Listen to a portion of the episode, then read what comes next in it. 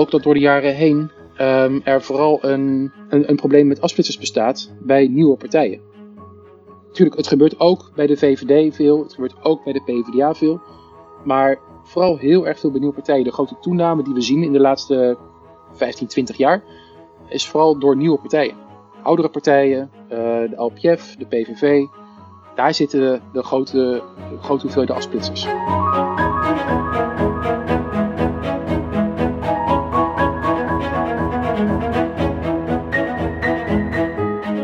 Het aantal fracties dat, dat Nederlanders kiezen uh, het parlement in, dat, dat fluctueert al een jaar of 50 lang.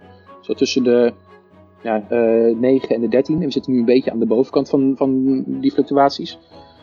Maar al die, die kruimels die worden eigenlijk weggezogen door, uh, door verkiezingen, door, door kiezers zelf.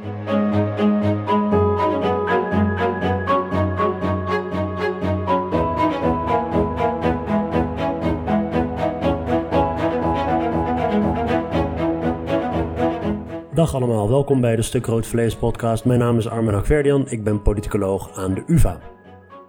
Volg ons via Twitter, @stukroodvlees. U kunt mij volgen via @hakverdian of neem een kijkje op www.stukroodvlees.nl.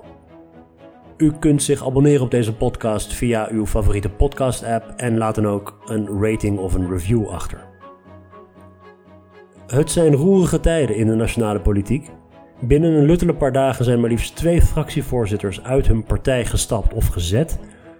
Henk Krol van 50PLUS hield de eer aan zichzelf, terwijl Farid Azarkan van DENK door partijvoorzitter Selçuk Usturk per direct uit de partij is gezet.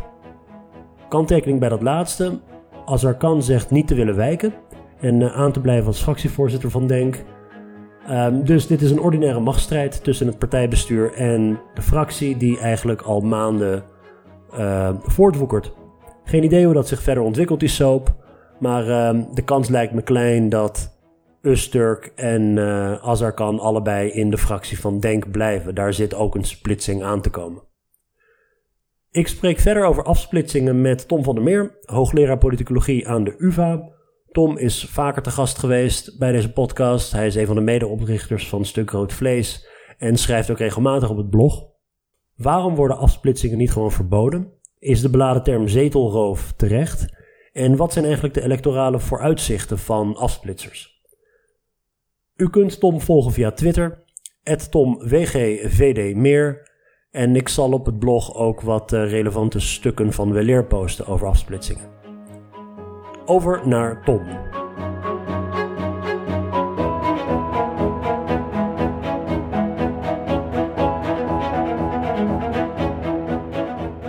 Tom, goedemiddag. Goedemiddag. Wij hadden deze podcast gepland, uh, gisteren eigenlijk. En um, vanmiddag, voordat we begonnen, uh, kregen we nog een bericht over een afsplitsing. Namelijk uh, dat het partijbestuur van Denk zou Farid Azarkan uit de partij hebben gezet. Dus dit komt redelijk, ehm, redelijk op tijd, deze podcast. Ja, ja, ik ben heel benieuwd of dit nou een afsplitsing gaat zijn, een splitsing of uiteindelijk helemaal niks. Want dat bestuur van Denk is echt heel grappig. Dat, dat is onderbemand. Dus heeft eigenlijk misschien weinig recht om iemand nog uit functie te zetten. Want ja, er zijn maar twee bestuursleden van de vijf die er worden geacht te zijn. En ja, de, de partij gaat niet over de samenstelling van de fractie. Dus als de fractie zegt van ja, wij zijn de fractie, dan kan die blijven. Maar eh, de voorzitter, de Sturk, zit ook in de fractie. Ja. Dus misschien is het uiteindelijk de voorzitter die zich gaat afsplitsen. ik ben heel benieuwd wat dit gaat doen. Het lijkt in ieder geval zeker dat Usturk en Azarkan aan het einde van deze week niet meer in één fractie zitten. Maar ja, dat kan ik me zo voorstellen. Het, uh, mocht er iets gebeuren, ja goed, wij nemen dit dus op, uh, op, op woensdagmiddag op. Dus, dus even een soort van timestamp op wat er misschien nog de rest van de dag gaat gebeuren. Um, hey, iedere keer als er zo'n splitsing uh, plaatsvindt, of dat nou de schuld is van het Kamerlid zelf of de partij of wie er het uh, initiatief heeft genomen voor de splitsing. Er is altijd een soort van verontwaardiging dat partijafsplitsingen eigenlijk niet netjes zijn, zelfs ondemocratisch. En het beladen woord zetelroof wordt ook vaak gebruikt. Waarom is dat zo? Waarom zijn we zo tegen die, die afsplitsingen? Ja, ik denk dat heeft wel een beetje te maken met ons, eh, de, de, de manier waarop wij Kamerleden kiezen. Um, heel veel parlementsleden worden niet verkozen met een eigen mandaat, maar omdat ze op de lijst van een partij staan.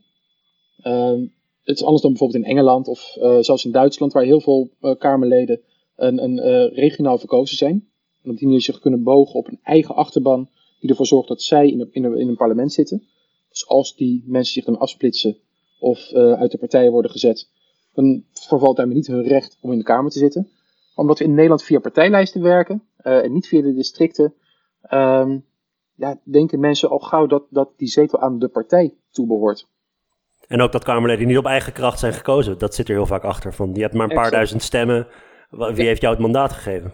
Exact. En dus er zitten heel veel voordelen aan het systeem om, om het via lijsten te doen. Uh, betere evenredigheid, betere vertegenwoordiging van allerlei verschillende groepen in de samenleving. Uh, maar dit is wel een nadeel ervan. Je hebt dus eigenlijk twee, laten we zeggen, ideale uh, of twee rolopvattingen eigenlijk van, van wat een mandaat betekent, die botsen hier met elkaar. Want aan de ene kant heb je dus het mandaat gegeven door de kiezer, de stem. En voorkeurstemmen zijn in Nederland niet dusdanig dat je echt kunt spreken van een massale persoonlijke stem. Er zijn een aantal mensen die met voorkeurstemmen worden verkozen en die kunnen dan zeggen, ja, ik ben min of meer of ik heb meer gedaan om op persoonlijke kracht in de Kamer te zitten. Het gros van de stemmen is, uh, is op de partij en we hebben ook echt een partijdemocratie. Aan de andere kant is in de grondwet verankerd dat Kamerleden niet gebonden kunnen worden aan, aan wat dan ook. Zij stemmen, zoals dat heet, zonder last. Die twee die botsen geregeld met elkaar. Ja, dat, dat is in de kern het probleem. En dat, de, de, de, het formele recht van Kamerleden om uh, te stemmen zonder last, uh, dus vrijheid kunnen stemmen um, en zich te kunnen gedragen. Dat, dat botst met het beeld van, van die partijlijst, met heel veel parlementariërs die niet op eigen kracht verkozen zijn, zoals het dan ook wel heet. Nou is uh, die voorkeurstem is sowieso een kwart van de kiesdeler. Dus je moet een kwart van een zetel halen, dan word je met voorkeurstem verkozen. Dat lukt nog maar een klein deel van de parlementariërs. Dat is niet eens 20.000 stemmen, toch? Uh, Zoiets, nee. iets orde van grootte. Uh, als ik het goed heb, is het inderdaad lager dan dat ja, van de mensen die die voorkeurstemmen halen, gaat weer een groot deel het kabinet in of alsnog gedurende de periode de Kamer uit. Dus het aantal parlementariërs dat overblijft dat echt op, op, met voorkeurstemmen is verkozen, is heel laag. Maar ja, die hebben wel het recht om onafhankelijk te stemmen. En dat botst weer met wat we in Nederland ook zien, een enorme hoge fractiediscipline. Je mag je in Nederland in de praktijk blijkbaar niet al te veel uh, laten afwijken van de fractielijn. Dus enerzijds uh, zitten die parlementariërs daar zonder last. Anderzijds worden ze in de praktijk wel geacht om met de fractie mee te stemmen. Er was een interview um, door Gerrit van Westerlo jaren, jaren geleden, um, vlak voor de Fortuinrevolte. En er werd, uh, werd verslag gedaan van de PvdA-fractie in die periode. En toen werd ook wel gezegd, ja, je mag één keer de dorpsgek zijn. Je mag dus één keer afwijken van zijn fractiestandpunt, maar nog een keer en dan is je politieke carrière eigenlijk wel gedaan. En ja. dat zie je ook in het, in het, in het stemgedrag. Um, er wordt heel, heel, heel, heel extreem veel met partijen, uh, met fracties meegestemd.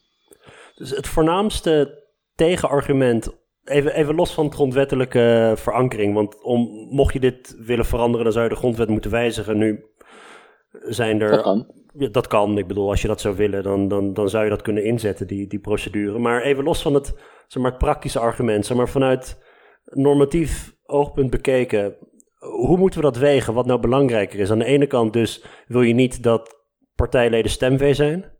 En je wil dat die moordende fractiediscipline, dat er ook wat lucht in zit. Um, dat je ook misschien wat eigenzinnige Kamerleden hebt. En nou, noem maar op, een beetje tegenspraak binnen fracties. Dus je wilt dat eigenlijk toelaten. En um, dus in die zin dat dat, dat, dat dat ultieme instrument van ik splits me af, dat dat altijd boven zo'n discussie kan hangen is misschien goed om die fractiediscipline te verzwakken. Aan de andere kant heb je het argument dat kamerzetels natuurlijk extreem waardevolle dingen zijn in een democratie. Toegang tot de macht, vertegenwoordiging. En dat je ook wil dat er een bepaalde democratische uh, lading achter zit. En dat je Kamerleden die op plaats 40 staan en misschien duizend stemmen hebben behaald, dat die op eigen houtje verder gaan, dat dat ook niet helemaal lekker zit. Weet je wel, ik, in mhm. deze discussie vind ik het heel moeilijk om mezelf te positioneren. Ik merk dat ik neig, maar niet heel veel, neig naar het democratische argument hier. Omdat je heel veel van die mensen hebt die op eigen houtje later, als ze zich verkiesbaar stellen, gewoon geen, um, geen, niet in de buurt komen van een, van een zetel op eigen kracht. Dus dat ze echt op basis van de partij ehm, in de Kamer zijn gekomen. Weet je, maar ik Of begrijp natuurlijk... trouwens misschien wat gemauwen hier op de achtergrond. Dat even tezijde. nee, maar je, hebt gelijk, maar dit is best wel een metadiscussie. hè. Ehm, van het, het zijn hele fundamentele democratische principes. Eh, van waar zit nou de, de, de legitimiteit? Waar zit nou de representatie? Ehm, wat verwacht je van een parlement? Hoe moet hij zich opstellen? Dus daarmee ook hoe moeten individuele leden zich opstellen? En dat kun je heel formeel en, en eh, ehm, bijna eh, theoretisch gaan bekijken. Ja, mensen stemmen niet op een partij, maar mensen stemmen op een lijst. En die lijst heeft een volgorde. En je mag niet zomaar van die volgorde afwijken. Uh, dus die mensen die zijn verkozen volgens die lijstvolgorde, ja, die hebben het recht om erin te zitten. En ja, als je iemand uh, met iemand botst, ja, mensen hebben op die lijst in die volgorde gestemd. Dus was het misschien de bedoeling van kiezers om op die manier te stemmen, dat er botsende meningen waren. Je kan het allerlei kanten op spinnen. Um, ik denk dat het in de praktijk misschien nuttiger is om te zien van wat heeft dit nou voor concrete gevolgen. Uh, de, de, de, de verschillende opties en verschillende standpunten. Ik heb zelf wel gezegd, het, het principe dat uh, Kamerleden zich kunnen afsplitsen, uh, of dat fracties kunnen splitsen, um, is als nucleaire optie heel belangrijk. Het is een uiterste optie. Um, het, het is instrumenteel niet goed voor je carrière normaal gesproken, om dat te doen. Maar, ach, die optie moet, moet boven de markt kunnen blijven hangen. Maar dat betekent niet dat ik veel op heb met het feit dat er wordt afgesplitst. Of dat afsplitsers nu een hele belangrijke rol spelen in ons parlementaire systeem. Dat is ook weer niet zo. Dus het principe is misschien wel belangrijker dan de concrete gevolgen. En ik denk dat die concrete gevolgen vooral heel erg interessant zijn om, om nader te onderzoeken. We kunnen bijvoorbeeld kijken naar wat voor soort afsplitsingen en splitsingen er eigenlijk bestaan. Er zijn heel veel verschillende soorten redenen waarom partijen zich afsplitsen. Wat voor gevolgen dit daadwerkelijk heeft en vooral niet heeft voor enerzijds de, uh, de regering en de partijen die al in het parlement zaten. En anderzijds voor de afsplitsers zelf. En ik denk dat je op die manier veel beter kan kijken van ja, wat weegt nu zwaarder? Is het nu werkelijk zo'n groot probleem?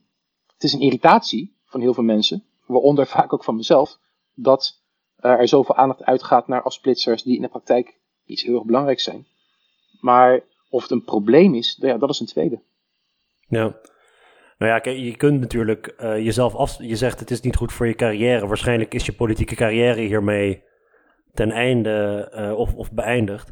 Aan de andere kant, Kamerlid is niet een slecht betaalde baan. dus je, je kunt wel tijd winnen door als onafhankelijk Kamerlid een beetje door te gaan. Je, volgens mij zijn de perks best oké, okay, vergeleken met heel veel banen uit het parlement. Dus in die zin, die soort van die, die, die praktische overweging zie ik ook nog wel zitten. Dat op het moment dat je je afsplitst van een partij, ja, in ieder geval heb je nog een vrij goede baan die je ja, maar, een paar jaar kunt uitzitten. Maar, maar de mensen die zich, um, uh, die zich afsplitsen, of die uit de fractie worden gezet, um, en het om het geld zouden doen, die zouden dan anders toch weigeren uit de fractie te gaan. En daar gewoon blijven zitten en op die manier um, gewoon de, de, de inkomsten zien, zien toenemen. Nee, maar dat je, blijft, dat je de zetel niet teruggeeft, bedoel ik. Dat je ja. dat je je afsplitst en gewoon als onafhankelijk... Maar, of dat... maar, maar als je het voor het geld doet, dan zou je gewoon in die fractie blijven. Als dat je enige motivatie is. Ja, oké, okay, je bedoelt de, de, de, de principiële afsplitsers. Die vanwege de... Je hebt die principiële afsplitsers die zeggen de koers van de partij niet meer, zich niet meer te kunnen herkennen in de koers van de partij. Mm -hmm. Die splitsen zich af dat die waarschijnlijk geen financiële motieven hebben. Die, Want die hadden gewoon ook een... hebben. Ja, ja, ja natuurlijk. Ja. En ook kijk naar de geschiedenis van, van afsplitsingen. En ik, ik, ik zal er niet heel ver induiken hoor, want het zijn er echt heel veel. maar er zijn allerlei soorten afsplitsingen. We, we ja. denken heel vaak inderdaad aan, aan, aan de principiële afsplitsers die je nu noemt. Dus mensen die zich niet meer herkennen uh, in, in de fractielijn of in de lijn van de partij. Waarbij de vraag is wie er gelijk heeft. Dat is voor een buitenstaander niet altijd makkelijk te beoordelen. Noem eens een paar van die uh, principiële weigeraars. Uh, Femke Merel Koostra van Arissen, die afsplitst van de Partij voor de Dieren. Um, omdat hij veel te veel nadruk zou leggen op uh, dieren. Geert Wilders, die zich afsplitste van de VVD. Dat, dat, dat zijn wel voorbeelden van mensen waar deze argumenten een grote rol spelen. In ieder geval ook in de publieke discussie. Van Klaver en Bontes, van de PVV afgesplitst vanwege de partijlijn doen. Nou, in ieder geval vanwege specifieke uitspraken die dan te ver zouden zijn gegaan. Maar ja, dat is ook een voorbeeld. Je ziet het ook wel vaker bij nieuwe partijen, maar bij nieuwe partijen zie je sowieso heel veel afsplitsers. Dus soms ja. heeft het met de partij koers te maken, omdat niet duidelijk is wat de koers is. Uh, soms heeft het ook ermee te maken dat er gewoon continu nog een ma machtsstrijd wordt gevoerd over wat de partij zou moeten zijn. En je hebt ook Kamerleden die de fractie uit worden gezet door feiten buiten het parlement. Dronken in een auto rijden, verdenkingen van, van fraude. dat is de laatste jaren bij de VVD een paar keer het geval geweest. Je hebt soms machtsstrijden. Gewoon puur binnen de fractie of binnen de partij. Denk aan het lijstping Fortuin. Wat gewoon één grote machtsstrijd was, waardoor de een na de ander zich afsplitste. Dus weet je nog Harry Wijnschenk? Ook een fractievoorzitter. Ja. Die ja, zich dat, Dat, ja, dat is er, want uh, toen, toen Henk Krol dus zich afsplitste en nu ook vandaag met, met Azarkan, zomaar twee fractievoorzitters binnen, binnen een week, dacht ik van ja, dat is eigenlijk toch wel heel bijzonder. Maar dan vergeet je dat iemand als Wijnschenk ook fractievoorzitter was. Ja. Ja, nou, maar was hij fractievoorzitter op het moment dat hij... Ja. Ja, oké. Ja, en de LPF heeft het zelfs twee keer meegemaakt, hè. Uh, Wat een tijden. Iets, iets later ook nog met Gerard van As. ook fractievoorzitter, ook afgesplitst. 50PLUS heeft het al een keer eerder meegemaakt.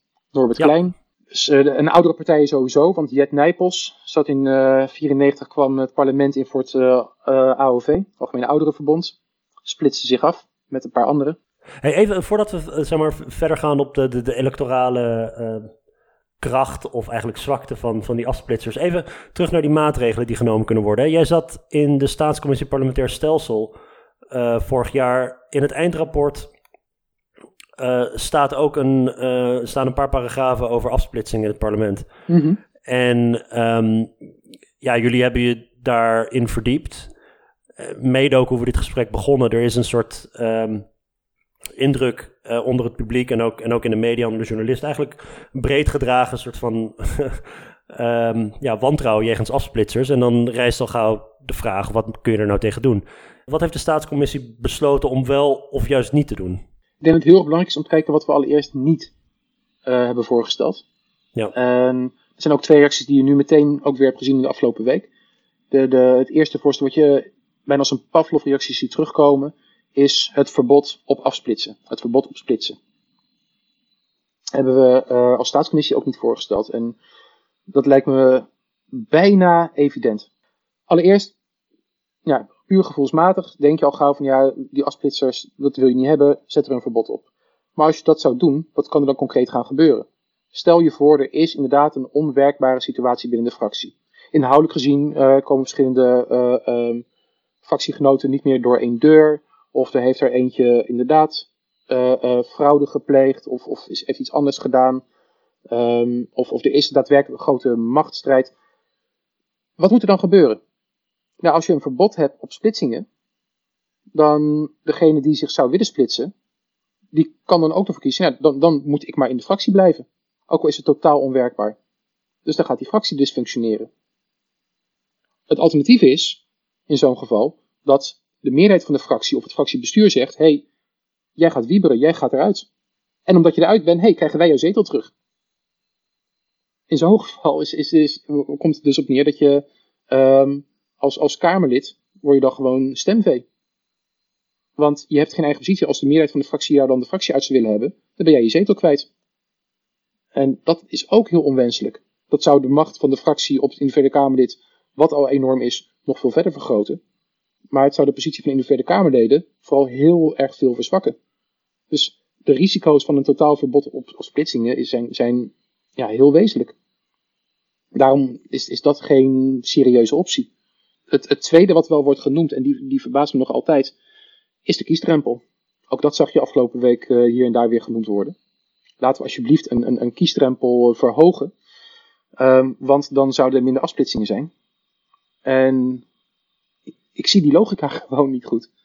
Um, er, zijn, er zijn twee opties. Ofwel, je, je idee is dat onder grote partijen er minder splitsingen zijn. Ja. Dat zou kunnen, maar dat is niet waar. Uh, de PV, PvdA heeft een aantal flinke splitsingen gehad. Uh, denk aan Jacques Monash, Nieuwe Wegen. Uh, vlak voordat de nieuwe verkiezingen kwamen. En vlak nadat hij de strijd om het lijsttrekkerschap bij de PvdA verloor. Of denk aan Kuzu en Esturk. Bij de VVD heb je er een hoop gehad. Van Haga, Houwers, er zijn nog wel meer. Uh, Verdonk, Wilders. Dat zijn, waren toch niet de kleinste partijen. Uh, de PVV heeft een heleboel gehad. Ruim boven een kiesdrempel die je zou verhogen. de PVV, ja. PVV heeft geloof ik nu zeven gehad. Maar ik kan ernaast zitten. Um, dus grootte lijkt niet echt hierop van, van invloed te zijn. Het alternatief kan zijn dat je denkt, ja, we moeten de kiesdrempel ophogen, want dan zal je minder snel afsplitsen, want dan is het veel te moeilijk om later de kiesdrempel alsnog te halen. Maar dat is heel erg wensdenken, want de kiesdrempel wordt nu al nauwelijks gehaald. De helft van de afsplitsers begint sowieso geen nieuwe partij bij de volgende verkiezingen. Die gooit al eerder het beltje erbij neer. En degene die het wel proberen, daarvan lukt het bijna niemand om verkozen te raken. Ja, ja dus dat, het is echt een, uh, een, een, een paardenmiddel. Dat niet eens uh, zeg maar, de diagnose is al verkeerd dat het door een kiesdrempel zou komen. Maar als je het zou invoeren, dan verhoogt het eigenlijk de drempel voor allerlei partijen. Ook nieuwe partijen die niks met afsplitsingen te maken hebben. Ja. Um, los van het feit dat zelfs de kiesdeler al een groot genoeg kiesdrempel is eigenlijk. Voor de meeste van deze mensen. Voor de meeste van deze afsplitsers, ja. Ja, en, uh, zijn er, er, zijn, er, zijn, genoeg, er zijn genoeg pogingen geweest hè, om, om, om, om wel verkozen te raken. Um, ja. sorry, met, met afsplitsing denk ik altijd gaan een leuke hoe is hoe, maar ik had het net al over Jet Nijpels van het Algemeen Ouderenverbond. Die probeerde Senioren 2000. Absoluut. Niet verkozen. Uh, Winnie de Jonk, conservatieven.nl. Uh, Rita Verdonk met uh, Trots op Nederland. Joost Eertmans, 1NL. Hero Brinkman met heel veel verschillende partijen. Joram van Klaveren. Ja, van Klaveren en zo. Ja. ja. ja. Dus, met, met VNL, er zijn er echt heel veel. Norbert Klein. Norbert Klein ook, hè? Ja. ja. ja. Dus het, het, het, lukt bijna niemand. Sterker nog, in, in uh, ja, verdenken nu 75 jaar sinds de Tweede Wereldoorlog. In die 75 jaar zijn het vier afsplitsers gelukt om verkozen te raken. Dit is de huiskamervraag, niet googelen. ja, en hoeveel, hoeveel daarvan bestaan er nu nog? En het antwoord op deze vraag kan over een paar dagen anders zijn. ja, nee, precies. Wie zijn die vier? Sinds 1945? Dat is uh, uh, PPR, afsplitsing van uh, KVP. Je hebt DS70, Um, dan heb je nog Geert Wilders, PVV. En als uh, laatste heb je nu Denk. Ja. Ja, um, D70 is, is opgegaan in. Uh, sorry, is, is binnen tien jaar uit elkaar gevallen. PPR is opgegaan binnen GroenLinks. De PVV, ja, electoraal gezien doen die het goed. Al hebben ze wel heel veel last gehad van eigen afsplitsingen. Maar is nu al een poosje rustig. En Denk staat nu op springen. Ja. En dat zijn dan de succesverhalen. Eigenlijk is er één ja. groot succesverhaal. Dat is Wilders. Electoraal gezien, uh, ja, dat is Wilders, ja. Um, Wilders heeft ook nooit echt een machtsstrijd natuurlijk gehad. Wat bij veel van die andere partijen wel iets is. Maar goed, los daarvan... Nou ja, uh, er, zijn wel, er zijn wel machtsstrijdjes geweest, hè. Maar nooit dat er een grote uitdaging van binnenuit heeft kunnen, kunnen opstaan. Nee, precies. Met, met Brinkman um, kan je wel eens een machtsstrijd hebben gezien. Brinkman, die deed ook nog bij de afgelopen verkiezingen mee, toch? Ja. Uh, uh, even, uh, nog, nog heel even terug. Hè. De, uh, dus de staatscommissie, zoals je zegt, ik denk dat het belangrijk is dat een staatscommissie ook opschrijft waar, wat ze vooral ook niet hebben gedaan. En, en daar argumenten voor geeft. Wat dan wel? Um, nou ja, de, de, de, Kamer, de Tweede Kamer heeft zelf inmiddels al wat maatregelen genomen. Door afsplitsers minder rechten te geven, of fracties die later ontstaan, minder rechten te geven. Dus die, die hebben wel zelf een stap gezet. Um, maar daarnaast, ja, je, je, um, je kan de drempels van, voor afsplitsers om mee te mogen doen aan de volgende verkiezingen iets ophogen. Net zoals voor alle andere nieuwe partijen zou gelden. Dus als er een nieuwe partij wordt opgericht, kan je in feite dezelfde drempels uh, neerleggen voor hun als, als voor, voor, de, voor de afsplitsers als voor andere nieuwe partijen. Die handtekeningen die moeten worden verzameld en zo. Ja, exact. Um, er is geld, een geldbedrag uit mijn hoofd en wat handtekeningen, ja. een soort van ja. quotum in, in de kieskringen. Uh, maar dus dat, de staatscommissie neemt dan heel erg het standpunt in van tussentijds doen we eigenlijk niks aan het recht van Kamerleden om zich af te splitsen. Um, maar wil je nog een keer uh, de Kamer in, dan moet je daar wel wat um, moeite van maken. Dan moet je wel een eigen electoraal mandaat. Exact, dan moet je aan dezelfde voorwaarden voldoen als andere nieuwe partijen. Ja. Het, het, het, de, de alternatief om in te grijpen in het parlementaire proces, um, dat is onverstandig. Wat wordt aangeraden is een middel wat je kan doen. Veel evidenter is het om simpelweg um, partijen zelf hier de verantwoordelijkheid voor te geven. Want laten we wel zijn, het probleem van afsplitsing is gewoon een, een probleem van politieke partijen en hun kandidaatselectie. Die discussie over of je nou die afsplitsers wel of niet zou moeten straffen, dat is op zich ook wel interessant. Want je komt al heel gewoon in een grijs gebied van hè, laten we zeggen, dus wat, wat de Kamer zelf heeft gedaan. Dus Mhm. het- dat, het de, ehm, dat het minder rechten eigenlijk eh, toekent aan die afsplitsers. Ehm, daar zou je ook al eigenlijk de discussie kunnen voeren of dat wel in de geest is van, zeg maar, dat, dat heilige recht van, eh, van Kamerleden om zich af te splitsen. Ik zie hier eh, dus, dus dat, dat debat dat ze hadden over het reglement van orde, waarbij eigenlijk heel voorspelbaar de destijds afgesplitste Kamerleden, die eh maakten hier sterk bezwaar tegen. Kuzu, destijds nog van de groep eh Kuzu Usturk, die zei dat bijvoorbeeld kritische Kamerleden op deze manier worden kalt, kalt gesteld. En eh, nou ja, Klein en Houwers, die hebben daar ook dus, dus hun kanttekeningen bij. Dus ergens wordt, worden, worden iedere soort van, iedere aantasting van die autonomie van de Kamerleden kan eigenlijk eh, ja, worden gezien als in strijd met dat grondwettelijke eh, artikel. Ja, in strijd met denk ik een te groot woord, maar het, het schuurt wel met de geest ervan inderdaad. Ehm, en ik, ik, ik vind het ook wel heel interessant om te zien dat dan het eh, opportunisme van sommige partijen ook wel heel erg duidelijk wordt. De PVV is zelf de uitkomst van een afsplitsing. De meest succesvolle afsplitser van Nederland. En ja, die was ook voor het inperken van de rechten van afsplitsers. Logisch, concreet gezien, Ja, gezien de huidige staat van de PVV. ja, vanwege de, de vele afsplitsingen die ze hebben meegemaakt in, in, in, in, eh, tussen 2010 en, en, en ja, 2016 op dat moment. Ehm, Het omgekeerde zie je ook. Dat, dat is ook heel intrigerend. Eh, Henk Krol, die eh, had me- meegeschreven aan het advies en had laten optekenen dat het wat hem betreft nog wel even wat strenger mocht. Bijvoorbeeld een verbod eh, via de grondwet op, afs- op, op, op splitsingen en afsplitsingen. Ja, zeker. Waarbij het interessante dus is dat eerst een, een afsplitsing, een afsplitser van de Partij voor de Dieren, ja, eigenlijk naar, naar, naar 50PLUS wordt toegetrokken door Krol. En hij later vervolgens zelf ook nog splitst. Ja. Daar valt bij hem nog wel wat voor te zeggen, want hij is dan wel weer op eigen mandaat verkozen. Eh, ruim boven die voorkeurstrempel.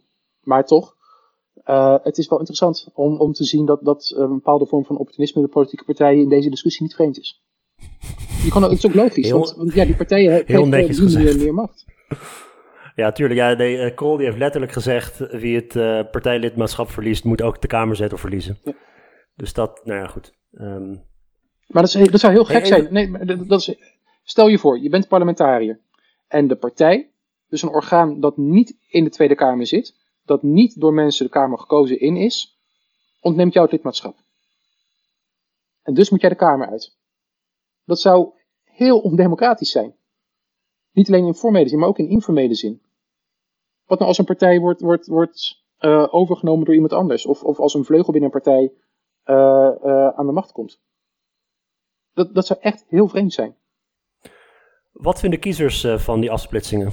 Want er liepen in het afgelopen Nationaal Kiezersonderzoek ook wat vragen mee over afsplitsingen en zo. Ja, ja we hebben eh, een hele reeks vragen eh, opgenomen in het Nationaal Kiezersonderzoek. Niet alleen over eh, institutionele hervormingen met referenda en zo, maar ook over gewoon het gedrag.